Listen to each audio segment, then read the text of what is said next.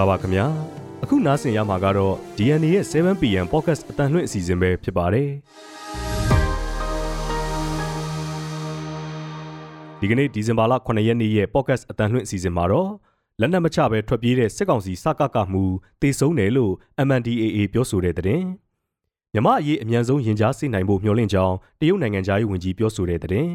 မြန်မာနိုင်ငံသားတွေစီကကြောက်ကက်ဝယ်နေတဲ့ဆိုတဲ့ဆွဆွဲချက်ကြောင့်အိန္ဒိယစေယုံတစ်ခုစစ်ဆေးခံနေရတဲ့တဲ့ နိုင်ငံခြားငွေမူဝါဒအပြောင်းလဲကြောင်းနိုင်ငံခြားငွေပိုရလာဖို့စစ်ကောင်စီမျှော်လင့်နေတဲ့အကြောင်းစလင်းကြီးမှာရဲတပ်သားတအူတနက်နှစ်လက်နဲ့ CDN ဝင်တဲ့တဲ့စတဲ့ပြည်တွင်းသတင်းများနဲ့အတူမိန်ကုန်းပြောရင်းမျက်ရည်ကျခဲ့တဲ့ကင်ဂျုံအန်ရဲ့တဲ့အမေရိကန်မှာအမျိုးမြင့်မြင့်သည့်အသက်ရှူလမ်းကြောင်းဆိုင်ရာယောဂတစ်မျိုးခွေးတွေမှာပြန့်နှံ့ကူးစက်နေတဲ့အကြောင်းစတဲ့နိုင်ငံတကာသတင်းတွေကိုနားဆင်ရမှာပဲဖြစ်ပါတယ်။ဒီအစီအစဉ်ကိုတော့ကျွန်တော်မောင်သိန်းနဲ့အတူနန်းခမ်းတို့ကတင်ဆက်ပေးသွားမှာပဲဖြစ်ပါတယ်။ အခုပြည်တွင်းသတင်းတွေကိုတင်ဆက်ပေးချင်ပါတယ်ရှင်။ပထမအဦးဆုံးပြောပြချင်တဲ့အကြောင်းကတော့လက်နက်မချပဲထွက်ပြေးတဲ့စစ်ကောင်စီစကခမှုတေဆုံးတယ်လို့ MNDAA ပြောနေဆိုတဲ့အကြောင်းပါ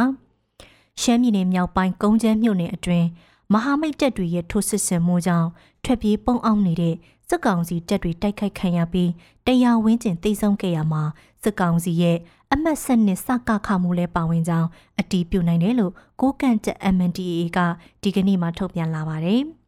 ကုန်းကျန်းမြို့နယ်အခြေဆိုင်စစ်ကောင်စီတပ်ကနေထွက်ပြေးသွားသူတွေတိုက်ခိုက်ခံရပြီးတေဆုံးခဲ့ကြရမှာရုပ်အလောင်းတလောင်းပေါ်ကပုံမူးချုပ်ရာထူးတစိမ့်အရာအမတ်ဆက်နှစ်စစ်စင်ရေးကုတ်ကဲမှုဌာနချုပ်မှု အောင်စောလင်းဖြစ်ကြောင်းမနေ့ကတွေ့ရှိအတီးပြုတ်နိုင်တာလို့ဆိုပါတယ်။ကုန်းချမ်းမြို့နယ်အခြေစိုက်စစ်ကောင်စီတပ်တွေကို MNDAA ကပြီးခဲ့တဲ့လအတွင်းတိုက်ခိုက်သိမ်းပိုက်ခဲ့ကြရမှာခလာရတနင်္ဂါတရင်စကခ12နဲ့စကခ16တို့ကစစ်ကောင်စီတပ်ဖွဲ့ဝင်ပြည်သူစစ်နဲ့ရဲ130ကျော်မိသားစုဝင်တွေအပါအဝင် စုစုပေါင်း282ဦးဟာနိုဝင်ဘာလကုန်ပိုင်းမှာလက်နက်ချခဲ့ကြပါတယ်။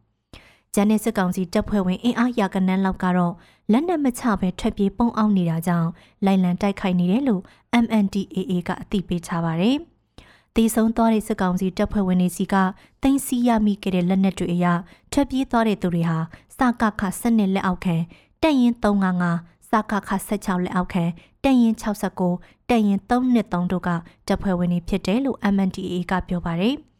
စစ်ကောင်စီတက်ရင်69ကတက်ရင်မှုကိုတော့ နိုဝင်ဘာလ29ရက်ကတည်းကစစ်တုံးပန်းအနေနဲ့ဖမ်းဆီးခဲ့တာလို့လည်းဆိုထားပါတယ်။ညီနောင်မဟာမိတ်သုံးဖွဲ့ရဲ့10-20ခွန်စစ်စင်ရေးအတွင်းမွန်ကိုပြူဟာကုန်းတိုက်ပွဲမှာ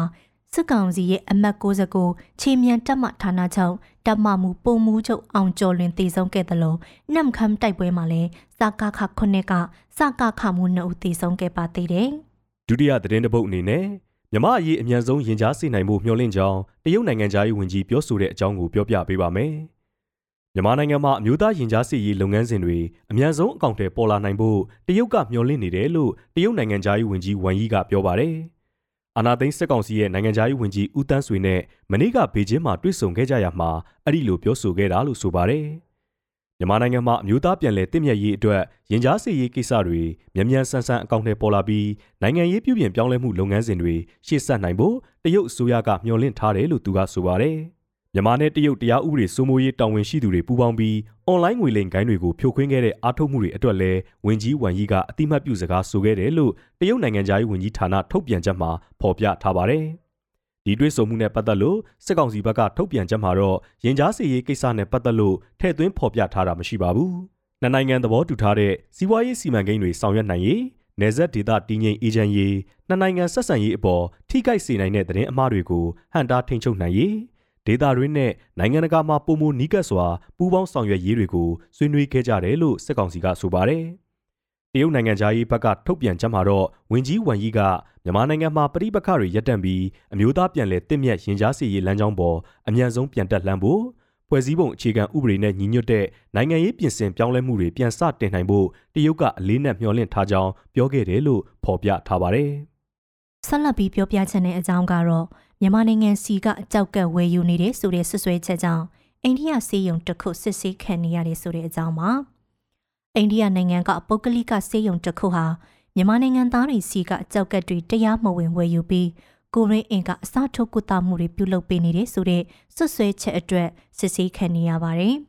အန်ဒရာဘရက်တာကျမ်းမာရေးဝန်ဆောင်မှုကုမ္ပဏီလက်အောက်ခံအပိုလိုဆေးရုံဟာမြန်မာလူငယ်တချို့စီကတရားမဝင်ကြောက်ကက်ရောင်းချမှုတွေနဲ့ဆက်ဆက်နေတဲ့ဆိုတဲ့ဆွဆွဲချက်တွေကိုစုံစမ်းနေတယ်လို့နေယူဒေလီမြို့တော်အုပ်ချုပ်ရေးဌာနကအတည်ပြုခဲ့တာပါ။အဲ့ဒီဆေးရုံဟာ မြန်မာလူငယ်တွေစီကကြောက်ကက်တွေဝယ်ပြီးကြောက်ကအစားထိုးကုသဖို့လိုအပ်တဲ့ချမ်းသာကြွယ်ဝတဲ့လူနာတွေကိုပြန်ရောင်းချပေးနေကြောင်းဆွဆွဲခံနေရတာဖြစ်ပါတယ်။မြန်မာနိုင်ငံပတ်ချမ်းကဆင်းရဲကြက်တဲတဲ့ရွာသားတွေဟာတရားမဝင်လူခန္ဓာကိုအစိတ်အပိုင်းရှောင်းဝယ်တဲ့အဖွဲ့အစည်းတွေစီကိုဆက်သွယ်ပြီးတော့ငွေကြေးရှာဖွေတဲ့အရှုပ်တော်ပုံမှာအပိုလိုဆေးရုံကဆက်ဆက်မှုရှိနေတယ်လို့ဆိုပါတယ်။အပိုလိုဆေးရုံကတော့အခုလိုဆွဆွဲခံရတဲ့အတွက် အံ့ဩထိတ်လန့်မိပြီးတော့အတွင်းပိုင်းစုံစမ်းစစ်ဆေးမှုတွေပြုလုပ်မယ်လို့ပြောကြားထားပြီးမြဲအသေးစိတ်ထုတ်ပြန်ချက်မျိုးတော့ထွက်ပေါ်မလာသေးပါဘူး။ဒါပေမဲ့စီးယုံကရှုပ်ထွေးပြီးတရားမဝင်တဲ့လူခန္ဓာကိုအစိတ်အပိုင်းအယောင်အဝယ်ကိစ္စတွေမှာလိုလိုလလပါဝင်ခဲ့တဲ့ဆိုတာမျိုးကိုတော့ယတိပြက်ညှင်းဆန်ထားပါတယ်။ဗဟိုအစိုးရစီကတိုက်ရိုက်တောင်းဆိုလာမှုကြောင့်ဒေတာဆိုင်ရာအစိုးရဟာဒီကိစ္စကိုထိထိရောက်ရောက်စုံစမ်းမှုတွေပြုလုပ်သွားမယ်လို့လည်းဒေလီကျမ်းမာရေးဝန်ကြီးတီဘက်ကူမာကပြောပါတယ်။ ချင်းတိုင်းမြို့မှာဌာနချုပ်တည်ရှိတဲ့အန်ဒါပရတာကုမ္ပဏီဟာအိန္ဒိယနိုင်ငံအနက်မှာစေယုံပေါင်း80ကျော်ကိုဖွင့်လှစ်ထားပြီး2022ခုနှစ်အတွင်းလူခန္ဓာကိုအစိတ်အပိုင်းအစားထိုးကုသမှု1640ခုပြုလုပ်ခဲ့ရမှာနိုင်ငံရက်ခြားလူနာတွေလည်းပါဝင်ခဲ့တယ်လို့သိရပါဗျ။နောက်ထပ်သတင်းတစ်ပုဒ်အနေနဲ့နိုင်ငံခြားငွေမူဝါဒအပြောင်းလဲကြောင်းနိုင်ငံခြားငွေပိုရလာဖို့စစ်ကောင်စီမျှော်လင့်နေတဲ့အကြောင်းကိုပြောပြပေးပါမယ်။ နိုင်ငံခြားသုံးငွေနဲ့ပတ်သက်လို့လွတ်လပ်တဲ့ဈေးကွက်စနစ်ကျင့်သုံးဖို့မူဝါဒပြောင်းလဲလိုက်တာကြောင့်ပြည်တွင်းမှာနိုင်ငံခြားသုံးငွေကြေးတွေပုံမူစည်းဝင်လာစေဖို့စစ်ကောင်စီကမျှော်လင့်နေပါတယ်။နိုင်ငံခြားငွေကြေးဈေးကွက်မှာအယောင်းဝယ်ပြုလုပ်တာနဲ့ပတ်သက်လို့ဗဟိုဘဏ်ကဈေးနှုန်းသတ်မှတ်ပေးတော့မှာမဟုတ်ဘဲလွတ်လပ်စွာဆောင်ရွက်ကြဖို့စစ်ကောင်စီဗဟိုဘဏ်ကဒီဇင်ဘာလ9ရက်နေ့မှာထုတ်ပြန်ခဲ့ပါတယ်။ ဒီမူဝါဒအပြောင်းလဲကြောင့်ပို့ကုန်ရငွေအပြင်ပြည်ပရောက်လုံသမားတွေကပြန်ပို့တဲ့နိုင်ငံခြားသုံးငွေတွေပြည်တွင်းကိုပုံမစည်းဝင်လာနိုင်တယ်လို့စက်ကောင်စီပြောခွင့်ရဗိုလ်ချုပ်စော်မင်းထွန်းကပြောပါတယ်။လက်တလောနိုင်ငံတော်မှာပွဲစုနေတဲ့73စီပြက်လက်မှုကြရဟာလဲဗဟိုဘဏ်ရဲ့မူဝါဒအပြောင်းလဲအကျိုးဆက်ကြောင့်ယာယီပေါ်ပေါက်လာတဲ့အခက်အခဲဖြစ်ပြီးနိုင်ငံခြားငွေပုံမစည်းဝင်လာတာနဲ့အမျှပြည်လည်သွားနိုင်တယ်လို့သူကဆိုပါသေးတယ်။ ရန်ကုန်မန္တလေးမြို့ကြီးတွေအပါအဝင်နိုင်ငံတော်မှာ73စီပြက်လက်နေတာကြောင့်ကြရဲရိုက်ခတ်မှုတွေရှိနေပေမဲ့စစ်ကောင်စီပြောခွင့်ရဗိုလ်ချုပ်ဇော်မင်းထွန်းကတော့ဒါဟာနိုင်ငံခြားသုံးငွေဆိုင်ရာမူဝါဒအပြောင်းလဲကြောင်းအခိုက်အတန့်အဆင်မပြေမှုဖြစ်တယ်လို့ဆိုထားတာပါပြည်တွင်းသုံးဖို့လိုအပ်တဲ့73စီပမာဏတင်ဆောင်လာတဲ့သင်္ဘောတွေအသင့်ရောက်ရှိနေပေမဲ့နိုင်ငံခြားငွေကြေးမူဝါဒအပြောင်းလဲကြောင်းယာယီကြံ့ကြာမှုတွေရှိနေတာလို့သူကပြောပါတယ်ဒါပေမဲ့ ဒီတစ်ချိန်မတိုင်ခင်ကတည်းကအာနာသိမ့်ပြီးနောက်ပြည်တွင်းမှာ73စီပြက်လက်မှုတွေမကြာမကြာဖြစ်လေရှိပြီးအခုတစ်ခေါက်မှာတော့တိတိတသာဆိုးရွားတဲ့အခြေအနေမျိုးနဲ့ရင်ဆိုင်နေရတာပါ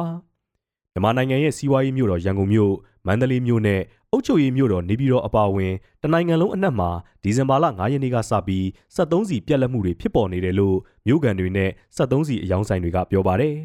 စစ်အုံစည်းပြနေတဲ့စစ်ကောင်စီဟာ နိုင်ငံခြားငွေချွေတာတဲ့အနေနဲ့ဓာတ်ဆီတင်သွင်းမှုရဲ့40ရာခိုင်နှုန်းနဲ့ဒီဇယ်တင်သွင်းမှုရဲ့90ရာခိုင်နှုန်းကိုဘိုးဘန်သတ်မှတ်စေဒေါ်လာ2100ကျပ်ဈေးနဲ့ရောင်းချပေးနေမှုကိုရပ်ဆိုင်းလိုက်တာစက်မှုစုံတွေကိုစီခွဲတမ်းမပေးတော့တာတွေကြောင့်အခုလိုအခြေအနေတွေဖြစ်လာတာလို့လေးလာသူတွေကသုံးသပ်ကြပါတယ်ဆက်လက်ပြီးတော့ဆလင်းကြီးမှာရဲတပ်သားတအူတနက်နက်လက်နဲ့စီရီယမ်ဝင်လာတဲ့ဆိုတဲ့အကြောင်းကိုပြောပြပေးပါမယ်။စကိုင်းတိုင်းဆလင်းကြီးမြို့နယ်ရဲစခန်းမှာတာဝန်ကျနေတဲ့ ရဲတပ်သားတအူတနက်နက်လက်နဲ့အတူ CDM ဝင်ရောက်လာတယ်လို့မြို့နယ်အခြေစိုက်တမန်ကြားပြည်သူ့ကာကွယ်ရေးတပ်ဖွဲ့ကောင်းဆောင်ကိုမဲကြီးက DNA ကိုအတီးပြုတ်ပြောဆိုပါတယ်။ရဲတပ်သားဝီလျံကျော်ဟာစကိုင်းမြို့အခြေစိုက်အမတ်16ရဲတပ်ရင်ကဖြစ်ပြီးဆလင်းကြီးမှာတာဝန်ကျနေချိန်အခုလို CDM ဝင်လာတာဖြစ်ပြီးသူနဲ့အတူ G3 တလက် MA4 တလက်အပြင်40မမပုံသီးတွေကြီးပေါက်တွေနဲ့ကြီးစံတချို့ယူဆောင်လာတယ်လို့သိရပါတယ်။ ရဲတပ်သားဝီလျံကျော်ဟာတော်လိုင်းရင်အင်အားစုတွေကိုမနေ့နေ့လယ်ပိုင်းမှာစတင်ဆက်သွယ်လာခဲ့ပြီးတော့ညပိုင်းမှာစီရီယမ်ဝင်လာတာလို့ကိုမဲကြီးကဆိုပါတယ်။ပြီးခဲ့တဲ့ဩဂုတ်လ28ရက်နေ့တုန်းကလည်းဆလင်းကြီးမြို့နယ်ဝမ်ပေါင်စီမံကိန်းမှာရှိတဲ့ရဲတပ်သားတအူတနက်နလက်နဲ့အတူစီရီယမ်ဝင်ရောက်ခဲ့ပြီးတော့လက်ရှိမှာတော်လိုင်းရင်အဖွဲ့တွေနဲ့အတူတိုက်ပွဲဝင်နေတယ်လို့ကိုမဲကြီးကပြောပါတယ်။ ဆလင်းကြီးမြို့နယ်အတွင်းကစစ်ကောင်စီလက်အောက်ခံဝန်ထမ်းတွေအနေနဲ့အမြန်ဆုံး CDM ပြုလုပ်ကြဖို့တော်လှန်ရေးအဖွဲ့တွေကတိုက်တွန်းထားတာရှိပါတယ်။နှွေဦးတော်လှန်ရေးကာလ3နှစ်နီးပါးအတွင်းတနိုင်ငံလုံးမှာ CDM ဝင်တဲ့စစ်သားရဲနဲ့ပြည်သူ့စစ်အဖွဲ့ဝင်ပေါင်း14000ကျော်ရှိတယ်လို့အမျိုးသားညီညွတ်ရေးအစိုးရ NUG ကထုတ်ပြန်ထားပါတယ်။အခုဆက်လက်ပြီးတော့နိုင်ငံတကာသတင်းတွေကိုတင်ဆက်ပေးပါမယ်ရှင်။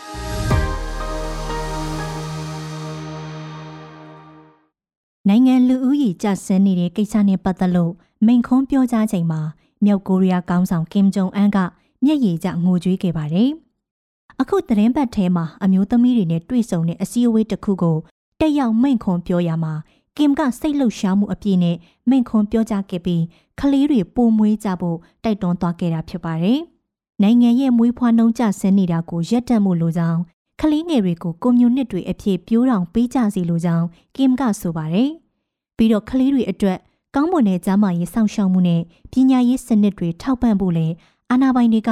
မိခင်တွေနဲ့ပူးပေါင်းအပြေရှာရမယ်လို့သူကဆက်ပြောပါတယ်။ပြုံရမ်းမှာကျင်းပတဲ့ပြင်စမအကြိမ်မြောက်မိခင်များကွန်ဖရင့်မှာကင်ကမိန့်ခွန်းပြောရင်းမျက်ရည်ကျခဲ့တယ်လို့ရိုးရာဝတ်စုံတွေဝတ်ဆင်ထားတဲ့မြောက်ကိုရီးယားအမျိုးသမီးတွေကစိတ်ထက်ထက်တန်တန်အားပေးထောက်ခံနေခဲ့တာကိုတွေ့ရပါတယ်။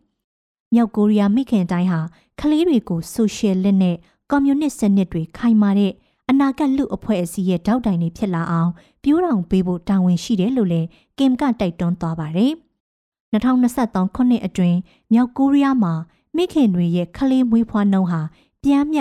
1.8ဦးသာရှိတော့တယ်လို့ဆိုပါတယ်။ဒီလိုအခြေအနေမျိုးကိုမြောက်ကိုရီးယားရဲ့ခါသီးပြိုင်ဖက်တွေဖြစ်တဲ့တောင်ကိုရီးယားနဲ့ဂျပန်တို့လည်းကြုံနေရပါတယ်။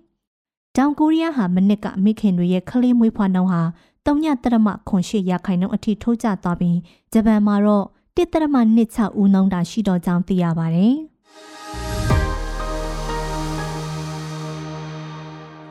အမေရိကန်နိုင်ငံမှာခွေးတွေကိုကူးစက်တဲ့အမျိုးအမည်မသိအသက်ရှူလမ်းကြောင်းဆိုင်ရာယောဂတစ်မျိုးပြန့်နှံ့နေကြောင်းသိရပါဗျ။အမေရိကန်တရိတ်ဆန်ဆေးကုဆရာဝန်များအသင်းကြီးကအနည်းဆုံးပြည်နယ်၁၄ခုမှာ အဲ့ဒီယောဂကူးစက်မှုအထောက်အထားတွေရှာတွေ့ထားတယ်လို့ပြောပါတယ်။အသင်းကြီးကတရိတ်ဆန်ဆေးကုခန်းတွေမှာအဲ့ဒီယောဂကူးစက်မှုတွေရှာတွေ့ရင်အချက်အလက်တွေစုဆောင်းယူပြီးအကြောင်းကြားဖို့တိုက်တွန်းထားသလိုဓာတ်ခွဲခန်းဒီမှာလည်းယောဂပိုးကိုတရုတ်ခွဲအတီးပြုဖို့အစွမ်းကုန်အားထုတ်နေကြပါတယ်။အဲ့ဒီယောဂဟာတည်တဲ့အထိပြင်းထန်နိုင်ပြီးပိုင်းရက်ကြောင့်လားဘက်တီးရီးယားတစ်မျိုးကြောင့်လားဒါမှမဟုတ်တခြားအကြောင်းရင်းတစ်ခုခုရှိသလားဆိုတာကိုစုံစမ်းနေကြစေပါ။ ကနဦးယူဆချက်အရတော့ခွေးတွေမှာဖြစ်ပွားတဲ့ချောင်းဆိုးယောဂတစ်မျိုးရဲ့မျိုးကွဲလို့ယုံကြည်ထားကြောင်းအသင်းကြီးကဆိုပါတယ်။ယောဂဆွဲခတ်ခံရတဲ့ခွေးတွေဟာတရင်လေးပတ်ကနေ6ပတ်အထိချောင်းဆိုးလေးရှိပြီးလေချောင်းအပြော့စားနာကျင်တာမျိုးကနေပြင်းထန်နမိုးနီးယားအထိကွဲပြားတဲ့ယောဂလက္ခဏာတွေဖြစ်ပေါ်တတ်ပါတယ်။တချို့ပြင်းထန်တဲ့အခြေအနေတွေမှာ24နာရီကနေ38နာရီအတွင်းအဆုတ်အေးခဲတဲ့အဆင့်ထိဖြစ်သွားတတ်တယ်လို့ပညာရှင်တွေကပြောပါတယ်။ အဲ့ဒီယောဂဟာလူတွေကိုပြန့်နှံ့ကူးစက်နိုင်တဲ့ဆိုတဲ့အထောက်အထားမျိုးတော့မတွေ့ရသေးပါဘူး။ဒါပေမဲ့ခွေးပိုင်ရှင်တွေအနေနဲ့ခရစ်စမတ်ကာလမှာခွေးတွေအများအပြားစုဝေးရာနေရာတွေစီတွားရောက်တဲ့ကိစ္စမျိုးတွေနဲ့ပတ်သက်ပြီးတတိထားတဲ့တယ်လို့တရိတ်ဆန်စေကူဆရာဝန်တွေကထောက်ပြထားပါတယ်။လက်ရှိအချိန်အထိအော်ရီဂွန်ပြည်နယ်တစ်ခုထဲမှာတင်အဲ့ဒီယောဂကုဆက်ဖြစ်ပွားနေတဲ့ခွေးပေါင်း200လောက်ကိုတွေ့ရှိထားပြီးကယ်လီ ဖိုးနီးယား၊ကော်ရိုရာဒို၊ဖလော်ရီဒါ၊ဂျော်ဂျီယာ၊အီတာဟို၊အီလီနွိုက်၊မေရီလန်း၊မက်ဆာချူးဆက်၊နယူးဟမ်ရှိုင်းယာ၊ရုတ်အိုင်လန်၊ဘာမောင်စ်နဲ့ဝါရှင်တန်တို့မှာလည်းယောဂကူးစက်မှုအထောက်အထားတွေအတီးပြုရှာတွေ့ထားကြောင်းသိရပါတယ်။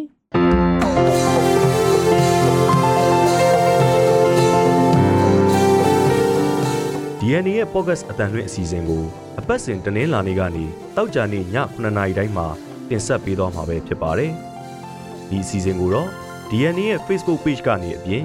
Anchor, Spotify နဲ့ Google Podcast တို့တွေကနေတဆင့်လဲနားဆင်နိုင်ပါတယ်ခင်ဗျာ။ Thank you.